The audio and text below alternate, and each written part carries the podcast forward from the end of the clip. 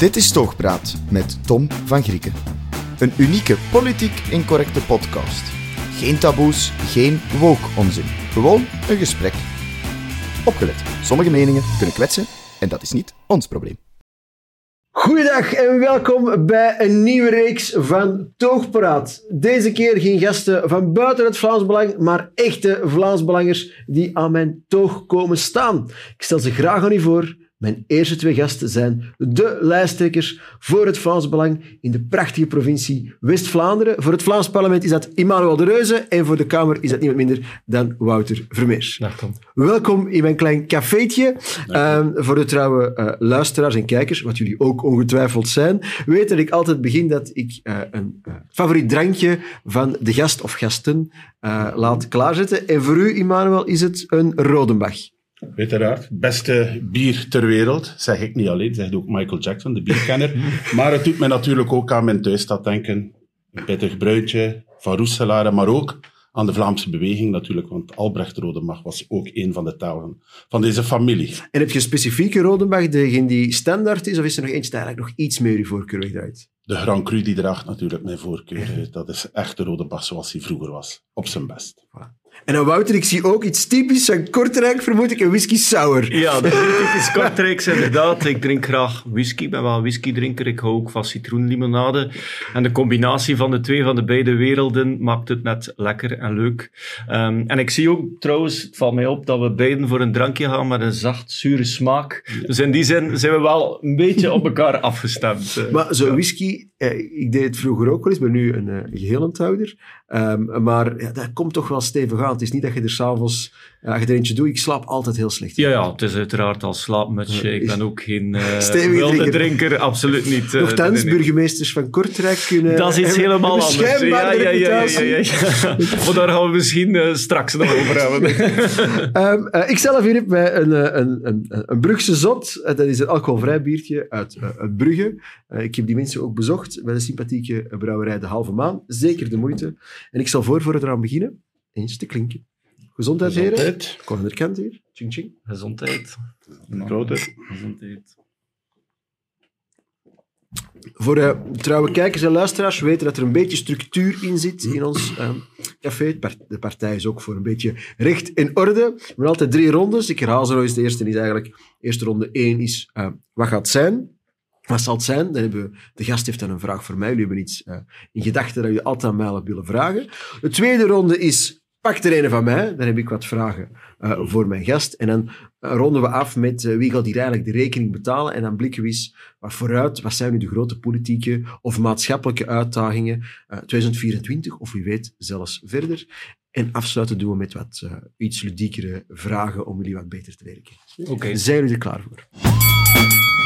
Ronde 1. Wat zal het zijn? De gast legt Tom een vraag voor. Goed, dan luister ik naar uh, de vragen die jullie hebben meegenomen. Wie bijt de spits af? Well, ik misschien uh, een duidelijke vraag. Stad of parking? Antwerpenaars worden vaak dikke nekken genoemd. Ja. West-Vlamingen binnenfretters. Tom, wat denkt u nu echt van de West-Vlaming? Ah, wel, ik denk ten eerste waar ik uit de wereld wil helpen. Antwerpenaren spreken niet over de parking. Dat is iets wat ik alleen maar hoor als Antwerpenaar als ik buiten de provincie Antwerpen kom.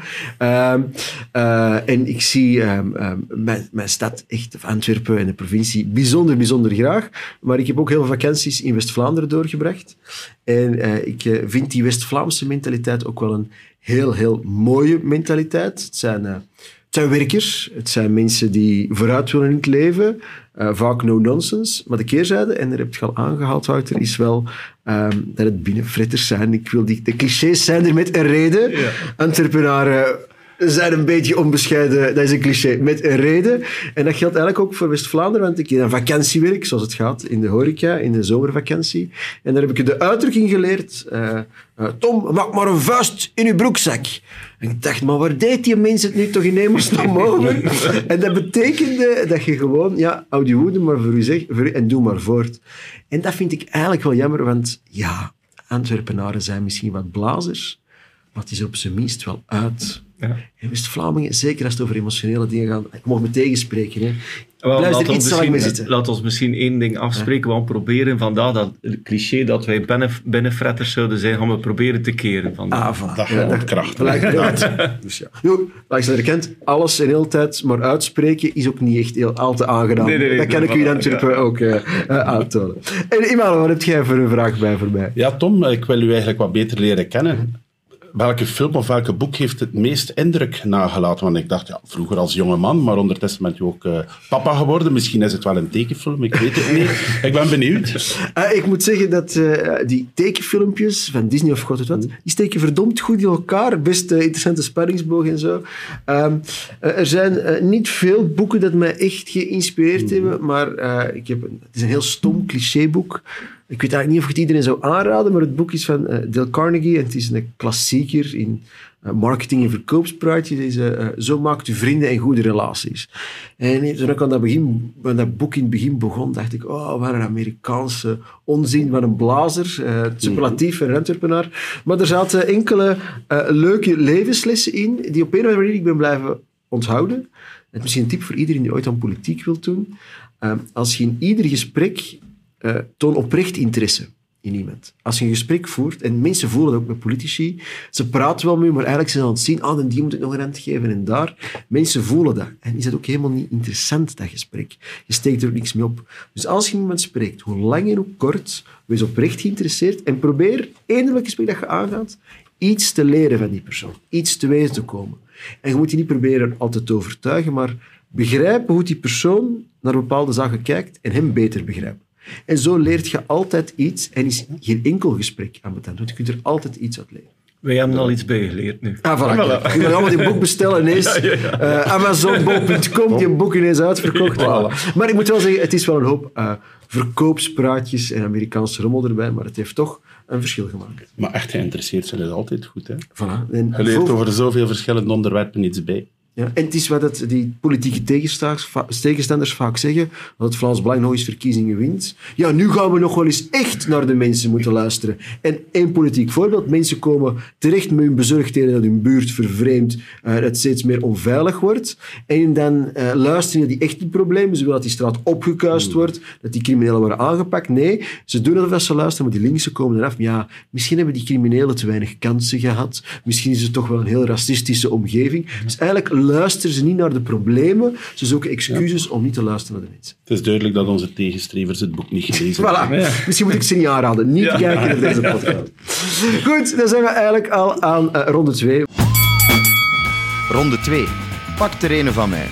Tom heeft een vraag voor de gast. Vraag aan jullie beiden. Het Vlaams Belang doet het goed in heel Vlaanderen. De peilingen eh, geven ons eh, mooie resultaten. Voetje op de grond moet het nog wel waarmaken. Maar waarom moet het Vlaams Belang specifiek in West-Vlaanderen zo goed scoren? Ik denk dat wij Wouter. politiek strategisch een heel belangrijke provincie zijn, een win geweest ook voor de partij, en dat wij heel belangrijk gaan zijn om extra zetels bij te dragen aan het feit dat wij de grootste partij van Vlaanderen moeten worden, maar ook in zetels. En daar zal West-Vlaanderen natuurlijk een heel belangrijke rol spelen. We hebben ook heel sterke kandidaten die wij nu naar voren schuiven. En we hebben toch een aantal thema's die vooraan de politieke agenda staan, bijvoorbeeld de wildgroei aan asielcentra, maar ook de grenscriminaliteit die nu toeneemt, problemen waar wij een duidelijk standpunt over hebben en waar de West-Vlamingen ook verwachten dat dat politiek vertaald wordt. En die twee zaken, het feit dat wij dat breekijzer moeten zijn tot de Vlaamse regeringsvorming, het feit dat die thema's eigenlijk vooraan de politieke agenda moeten staan, maakt het belangrijk dat mensen in West-Vlaanderen voor het Vlaams Belang staan. Nou, toen ik een beetje denken, toen ik in de tijd mijn vakanties doorbracht in West-Vlaanderen, een kleine twintig jaar geleden, dan zei de- was ik al, ook al politiek actief. En dan zei de die sympathieke West-Vlaming, ja, Tom, je hebt eigenlijk wel gelijk, maar ja, dat is die problemen, dat is in Antwerpen en in Brussel. Bij ons is alles nog goed. Maar zie nu twintig jaar later en de problemen waar wij in 2000, 2006 over spraken in Antwerpen en in Brussel, zijn vandaag in vele centrumsteden. Waar, Imano? Dat is eigenlijk terecht. En Wouter zegt natuurlijk het belang dat onze partij goed scoort. Voor belang is ook van groot belang is eh, nationaal gezien, maar eigenlijk vooral voor de West-Vlamingen. Want wij zijn de beste garantie om een leefbaar West-Vlaanderen te houden. En ik denk dat eigenlijk de kiezer het eigen belang best voor ons stemt. Wij willen voor die veiligheid zorgen, wij willen die sociale component, wij willen dat West-Vlaanderen ook Vlaams blijft. En ik denk dat het heel belangrijk is dat we dat dan inderdaad doen. Dat we tonen wat is het belang. Wij willen de dam zijn tegen inderdaad wat in die grote steden jammerlijk genoeg al op veel plaatsen een feit is. Hè, die vervreemding, die eenzaamheid in onze straten, waar mensen zich niet meer thuis voelen. Ik denk dat de West-Vlaming dat goed beseft. En ook bij de vorige verkiezingen al was het een duidelijk signaal. De eerste uitslag die binnenkwam, ongetwijfeld iedereen herinnert het zich nog. Diksmuide. Diksmuide, eh, echt wel de poort naar de Westhoek, waar dat de mensen wel heel goed wisten waarom stemmen we Vlaams Belang. Ik weet nog, ik zat toen in de auto en ik werd gevolgd met allemaal webcams, met VTM. En achter mij zat onze politiek secretaris, eh, Michel. En ik zeg, Michel, heb je dat gezien, die score? Ja, welke gemeente? Die met dat torentje, die met dat in West-Vlaanderen. Het verwijzend naar de, de, het uh, IJzertoren. Dat was, ja, onvoorstelbaar, maar het was een voorbode van een Ja, geweldige absoluut. avond. hoor. Absoluut. Prachtig. Ja. En we zien niet alleen toen, in 2019, heel veel eh, nieuwe mensen. Onze partij groeit en groeit. En eigenlijk heb ik hier twee mensen voor mij die eigenlijk symbool staan voor eigenlijk wat het Vlaams Belang is. We hebben iemand, Immanuel, eh, vanuit eh, uit de beweging. Je zet een stamboom. Eh, nationalist, die, die met de paplepel ingeven. En dan Wouter, die een andere partij ook nog heeft aangedaan. We kennen elkaar uit onze studententijd, eigenlijk. Ehm, en eigenlijk ja, zijn jullie eigenlijk de perfecte symbiose als lijsttrekkersduo, wat eigenlijk staat voor, voor die nieuwe kiezer. Heb jij het idee, Manuel, dat het Vlaams Belang nu in de groei, dat wij onze principes hebben verlogend in de, in de zucht naar meer stemmen, naar groter worden? Nee. Nee, daar kan ik duidelijk nee op zeggen. Anders was ik hier waarschijnlijk ook niet vandaag. Ik ben inderdaad, zoals je zelf zegt, Tom, eh, Tom een ja, stamboek eh, Vlaams nationalist. Ik heb het thuis met eh, paplepel meegekregen, maar toch met de nodige vrijheid om mijn eigen weg te gaan. En ik heb die weg gekozen. Ik ben altijd geïnteresseerd geweest in de Vlaamse beweging, vanuit de jeugdbeweging, de studentenvereniging. Maar op mijn zestiende verjaardag, eh, kort ervoor, ben ik lid geworden van onze mooie partij. Ik heb die gevolgd. Het is een militante partij gebleven, maar ook trouw aan de principes. En ik denk dat dat van het grootste belang is. Maar dat wil natuurlijk niet zeggen dat we niet moeten openstaan voor nieuwe mensen, anders groeien we onmogelijk. Mensen komen bij ons, willen ons vervoegen en geven onze partij vleugels. Dat is van belang. En ik geloof ook eigenlijk dat dat beginsel vast zijn, dat dat geapprecieerd wordt door de kiezer. Eh, mensen, wij zijn politieke beesten, hè. wij zijn politieke obsedees, politieke nerds misschien willen alles gelezen en gezien hebben, maar mensen zijn misschien niet hard met politiek als in het parlement mee bezig, maar begrijpen wel wat authentiek is. Dat je gewoon wat je zegt, dat je ook meent dat je hoofd en hart hetzelfde zijn. Zeker. En dat werkt, denk ik. Zeker, ze hebben, we hebben tegenslagen gehad doorheen onze geschiedenis, maar we zijn inderdaad beginsel vastgebleven en dat wordt beloond. En dat zeggen de mensen ook. Het mooie dagen gehad, we hebben nu terug hele mooie dagen en hopelijk eh, klaart de zon aan het einde, vooral voor Vlaanderen. Hè. Maar in, negen- in 2014 was het wat minder, maar toen zijn we ook beginsel vastgebleven. Ik denk dat dat wel belangrijk is. En Wouter, ik doe je oneer aan om te zeggen dat je een nieuw lichter zou zijn, want in 2014, niet veel later, heb je onze rangen ook vervoegd. Eerst op, onze, op het Europese parlement als inhoudelijk medewerker. En ja, uit je vorige politiek verleden, ja, waart je de, ge- de man die altijd de kaart ook nee, resoluut voor Vlaamse onafhankelijkheid en tegen het cordon. Ehm, Aangezien dat je een van de eerste waart die in 2014 eh, mee op de Tom-trein sprong, eh, heb je nu het idee van, kijk, ik zie er velen die nu eh, ons aansluiten bij dat Vlaams Belang en zien de echte verandering. Het kan alleen met Vlaams Belang. Ja, inderdaad. En ik denk dat ik in die zin ook wel wat een antipode ben van, eh van Emmanuel. In de zin dat ik via zelfstudie, ik las eh, interviews toen ik 16 jaar was van Pim Fortuyn. Eh, ik las toespraken van Vlaamse manifestaties en ik zei, die mensen hebben eigenlijk gelijk. Dat is ook mijn mening en ik wil die ook mee verkondigen. En dat zien we vandaag nu ook. Als ik het trek naar vandaag, wat mensen zoeken in politici, is dat ze duidelijke taal spreken, dat ze ook oplossingen aanreiken en dat ze de problemen vooral niet uit de weg gaan. En dat apprecieer ik enorm in het Vlaams Belang, dat wij de problemen bij naam noemen. En dat is denk ik ook de kracht van de partij, dat mensen verwachten dat politici duidelijke taal spreken. En er is maar één partij die dat vandaag doet, op een heel duidelijke, ook eh, op een communicatief heel goede manier, waar wij eigenlijk het, het gevoel die leeft bij de bevolking, dat wij dat ook gaan vertalen. Maar de beste propaganda is de realiteit. Hè. Ja, Kijk ja, een keer links en rechts, kom de deur uit en dan weet We je... zeggen eh, net van West-Vlaanderen. Vroeger was dat een ver van ons bedshow, maar eigenlijk zijn de grootstedelijke problemen, Oostende, Kortrijk, Roeselaar, zelfs in Brugge en dergelijke meer, worden we, zelfs in de kleinste gemeenten voelt men niet alleen de migratiedruk, maar ook de onveiligheidsdruk. Waar men dan geen migratieproblemen heeft, heeft men men dan een inbrakenplaag en dergelijke meer. Dus die problemen zijn allemaal aan de dorpel gekomen van de West-Vlamingen, van alle Vlamingen. Eigenlijk is de stempel van de CD&V, de stempel van Nicole de Moor, die, die, dat mens gaat niet stoppen tot heel Vlaanderen lijkt op Brussel met allemaal kraakpanden en asielzoekers die op de straat zitten. Ja. Dus ik dat we daar zeker een, een, dat moeten voor opwerpen. Uh, nog een uh, slotvraagje misschien voor jullie, uh, voor deze ronde. er zijn ook ondertussen uh, parlementsleden in diverse commissies. Wouter, jij zit in de commissie begroting. Um, waar komt eigenlijk die interesse van cijfers uh, vandaan en brengt het Vlaams Belang daar een uniek verhaal of een beetje meer van hetzelfde? Ja, ik ben gebeten door economie. Ik wou altijd economie studeren, zowel als ik in het, middelbaar zat, uh, secundair, als in het hoger onderwijs. En vooral wat mij aantrekt in de cijfers, is het feit dat cijfers nooit liegen. Men kan in de politiek veel zeggen, men kan uh, ellenlange filosofische debatten houden, maar als het over de cijfers gaat, dan kan men de realiteit niet ontkennen. En dat is een aangename manier, allee, wat ik toch aangenaam vind om aan politiek te doen, is om politiek te doen natuurlijk op basis van de feiten. En in zo'n commissie Financiën heb je, en begroting heb je natuurlijk de feiten bij u, maar ook vooral een helikoptervisie. Want natuurlijk, als het over asiel en migratie gaat bijvoorbeeld, zien we nu dat die kost meer dan een miljard euro bedraagt. Ja, dat zijn cijfers, feiten waarmee wij de bevolking kunnen confronteren, onze mensen, onze kiezers, en zeggen, kijk, dit loopt hier de spuigaten uit. Dus eigenlijk, door, gedekt door feiten, kan men veel beter aan politiek doen. En vandaar ja, ook mijn enorme interesse voor die cijfers, de begroting. Wat eigenlijk een saai onderwerp is, maar het denk dat het de taak is van een politicus om van die saaie, moeilijke onderwerpen, om die begrijpbaar te brengen. Bijvoorbeeld dat feit van die asielfactuur, dat is voor iedereen heel goed begrijpbaar, omdat iedereen zijn eigen facturen ziet stijgen. En dan is er één post waar men blijkbaar nooit op bespaart, waar er altijd geld genoeg voor is. En dat, uh, moet, men moet helemaal geen economist zijn of begrotingsspecialist om dat te begrijpen. En dat terwijl steeds meer mensen hun rusthuisfactuur niet kunnen betalen. We zien een verouderde, vergrijzende bevolking die kostprijs loopt ook op. En dan komen we ook op uw terrein, in uw commissie. Uh, ik ben bijzonder trots dat wij het identitaire verhaal hebben kunnen koppelen aan een sociaal verhaal. We sterke sociale zekerheid en zorg. Ja, uh, nationalisme zal sociaal zijn of het zal niet zijn. Hebt u het idee dat wij een unieke stempel kunnen drukken in uw commissie waar jij actief bent, Manuel? Ja, het is eigenlijk ook zo belangrijk. Ik ben misschien de meest volkse van ons, maar ik zit graag op café tussen de mensen, dan hoor je de verhalen en de verhalen gaan natuurlijk over die grote problemen en die zien de vervreemding afkomen. Maar ten einde komt het altijd op hetzelfde neer.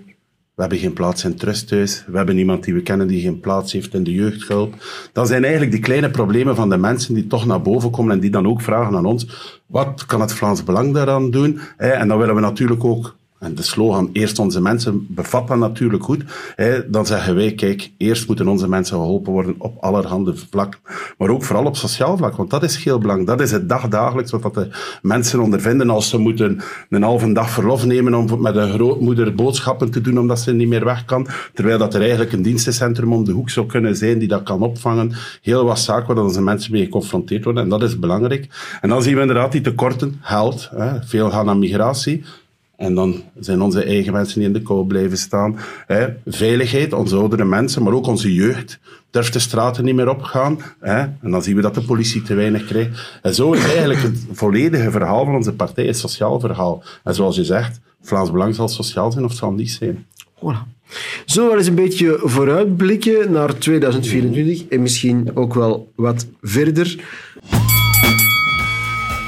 Ronde 3. Wie gaat de rekening betalen? Wat, is, wat zijn de grote uitdagingen van de komende generaties? Vlamingen en waar moet het Vlaams Belang volgens u, Wouter, echt massaal op inzetten? Mijn drijfveer in de politiek is het feit, het besef dat dit land volledig vastgelopen is en dat we eindelijk dit land een keer uh, in een nieuwe plooi moeten leggen. En vandaar ook mijn keuze voor het Vlaams Belang, omdat wij de enige partij zijn die voor dat meer Vlaanderen gaat. Uh, en ik ben ervan overtuigd dat we pas België of, of Vlaanderen in het bijzonder in een andere plooi kunnen leggen als we eerst zoveel mogelijk bevoegdheden naar het Vlaamse niveau halen. Dus dat is de uitdaging om hvordan Dat is het grote probleem, om dan uiteindelijk de kleine problemen van de mensen te kunnen aanpakken. Bijvoorbeeld, wij kunnen mensen meer loon voor hun werk geven uh, als, zij, als, er minder, als we dat uh, eigenlijk ons fiscaal systeem op, op, Vlaams niveau, zouden organiseren. Wij kunnen beter zorgen in, in, Vlaanderen en meer geld geven als wij een aparte sociale zekerheid hebben. Dus als wij die kleine problemen van de mensen willen oplossen, moeten we eerst het grote probleem oplossen en dat is België. En het Vlaams Belang heeft daar in zijn beginselverklaring een heel duidelijk standpunt. Wij gaan daar absoluut voor. Dat moet het einddoel zijn om zoveel mogelijk en liefst alle bevoegdheden naar Vlaanderen te halen. En voor u, Manuel? Ik kan eigenlijk maar beamen wat Wouter zegt natuurlijk, maar aansluiten zal het belangrijk blijven. Ik blijf op dat sociale hameren, is dat we vooral de zorg toegankelijk en betaalbaar maken naar de toekomst. Dat is heel belangrijk. We willen toch een coherent volk, een volk die solidair is onder elkaar. Dat blijft voor mij echt een heel belangrijk streefpunt, maar natuurlijk als Vlaams nationalist in een onafhankelijk Vlaanderen, waar we zelf de keuzes maken, waar we heen willen, met ons sociaal beleid, maar ook met ons veiligheidsbeleid, met ons identitair beleid. Heel belangrijke zaken die eigenlijk allemaal één geheel vormen. Ja. Er kan geen sterke sociale zekerheid zijn als er geen culturele homogeniteit is. Als je geen solidariteit met je buurman, dat je niet dezelfde taal spreekt, dan gaan we niet solidair zijn met elkaar. Het begint allemaal daarmee. Uh, Vlamingen hebben recht op hun eigen natie, hun eigen land. En dat land Vlaanderen, dat moet vooral heel Vlaams en heel veilig blijven. Zullen we beginnen aan de uitsmijten? Dat is Tournee Generaal. Dan tel ik aan een belletje. Tournee Generaal. Enkele vragen die wat minder politiek zijn. Okay. Uh, Wouter, als je moet kiezen, bier of wijn? Wijn. Ik ben een wijndrinker. Een wijndrinker? Ja. Okay, als de whisky op is, dan gaan we naar de wijn. Ja. Emmanuel, Netflix of boeken? Boeken. boeken? Uh, Netflix is hetzelfde als televisie, is ideaal om in slaap te vallen. uh, wat, misschien een vraag voor u beiden, wat is nu eigenlijk de echte hoofdstad van West-Vlaanderen? De economische hoofdstad is Kortrijk. En het hart van West-Vlaanderen is Roeselare. Dus uh, voor mij is het allebei... We moeten opletten dat we Stefan Sietenbe die hier buiten staat te wachten, die hard te roepen. Nee, Brugge uiteraard. Die is aanwezig met de Brugse op. Ja, ja. uh, wat is uw favoriet sociaal media kanaal, Emmanuel? TikTok of Instagram? dat is pas een tekstverhaal. Instagram vermits ik niet actief ben op TikTok. ik kunt u een draai wat vinden op sociale media, want het heeft toch wat langer geduurd. Hè? Dat heeft inderdaad wat langer geduurd. Dat is wel een beetje uit mijn comfortzone. Dat klopt wel. En Wouter, bent een echte republikein. Als je zou moeten kiezen, koning Willem-Alexander of koning Filip? Willem-Alexander. En dan toch als republikein? Ja, ja, ja, ja, Schuilt er een, eh, een heel Nederlander in u? Of? Ja, dat wel. Ik ben eigenlijk voor uh, samenhang tussen Vlaanderen en Nederland, omdat wij, denk ik, ook economisch zeer goed samenpassen. Maar dat is natuurlijk een discussie. Laat ons eerst... Uh, eerst Vlaanderen. En, meer bevoegdheden naar Vlaanderen en dan in een tweede stap kunnen we dat eventueel overwegen. Maar met, met Wilders aan, aan het bewind in Nederland zou ik dat natuurlijk nog uh, sneller... ik kan u zeggen, uit persoonlijke ervaring, ben getrouwd met Nederlandse. Er zijn ook enkele culturele verschillen. En ik moet zeggen, wij Vlamingen, ja, ja. ten huize van Grieken, deel van is het onderspit. Ja. Immanuel, zet je een kattenmens of een hondenmens? Ik ben eigenlijk een kattenmens. Mijn vrouw, mijn vrouw noemt Katlijne. Ik kan niet anders. maar we hebben ook een huis hier. We hebben een poes. Jammerlijk genoeg, we hadden twee poesjes. Maar er is eentje, ja, achtergebleven. En we zijn nog op zoek. Moest er iemand weten waar onze tweede poes is? Lilo is al zes weken vermist. Oh. Dus uh, we blijven naarstig doorzoeken. Heb je eigenlijk huisdieren, Wouter? Ik heb geen huisdieren. Ik had vroeger een hond. Ah, oei, ik ben allemaal wat dode beesten boven. Uh, ah, oei, oei, maar, ja, ja, maar ik ben wel een hondenmens. Daar ah, moet ik eerlijk zijn. Ik ben dan eerder een hondenmens. het is als je huisdieren hebt, moet je er tijd voor kunnen maken. ik heb ook een lange hond gehad, maar daar moet je inderdaad veel tijd voor hebben. Maar je hebt er wel veel vriendschap en trouw van. Dat is juist, um, eentje voor u, Wouter. Uh, je moet kiezen uh, uh, van Quickenborne of Melissa de Prater van Vooruit? Dan nog Melissa van Dan nog liever Melissa. Ja, ja, ja, Komt het ooit goed tussen u en uh, Mr. Q? Oh, ik heb geen enkel probleem met Vincent van Quickenborne. Het probleem ligt vooral bij hem. Als Vincent zou zeggen tegen mij, Wouter, we gaan een pin pakken en we gaan er een keer goed over praten. Voor mij geen enkel probleem. Ik heb persoonlijk tegen hem geen enkele aversie of zo Politiek is natuurlijk een andere zaak. Hij ik heb is heel de waar- bemerkingen. Ja, ja. Hij is de oorzaak hoe dat Kortrijk van een mooie stad helemaal de dieperik is ingegaan. Voilà, en ook, eh, hij heeft de, de stad niet alleen in, in de handen van links gegeven, maar ook op federaal niveau heeft hij ondertussen al zijn stempel nagelaten, maar dan in negatieve zin. Eigenlijk is de straffeloosheid die wij aanklagen, is nog absoluut niet aangepakt, helemaal niet. En hij heeft dat wel beloofd en heeft die belofte niet eh, nagekomen, maar zo kennen we hem natuurlijk, hè, als de man van de gebroken beloftes. Hou ons op de hoogte van het gesprek. Hè. We komen veel, we komen zien. Goed, Laatste vraag. Wat wordt de best scorende provincie voor het Vlaams Belang op 9 juni 2024? West-Vlaanderen. Dat is goed. Daar hou ik jullie aan. Bedankt om te komen naar mijn cafeetje en jullie bedankt om te kijken naar deze uitzending van Toogpraat. Dit is Toogpraat met Tom van Grieken. Een unieke politiek incorrecte podcast.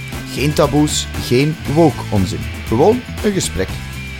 Opgelet. Sommige meningen kunnen kwetsen en dat is niet ons probleem.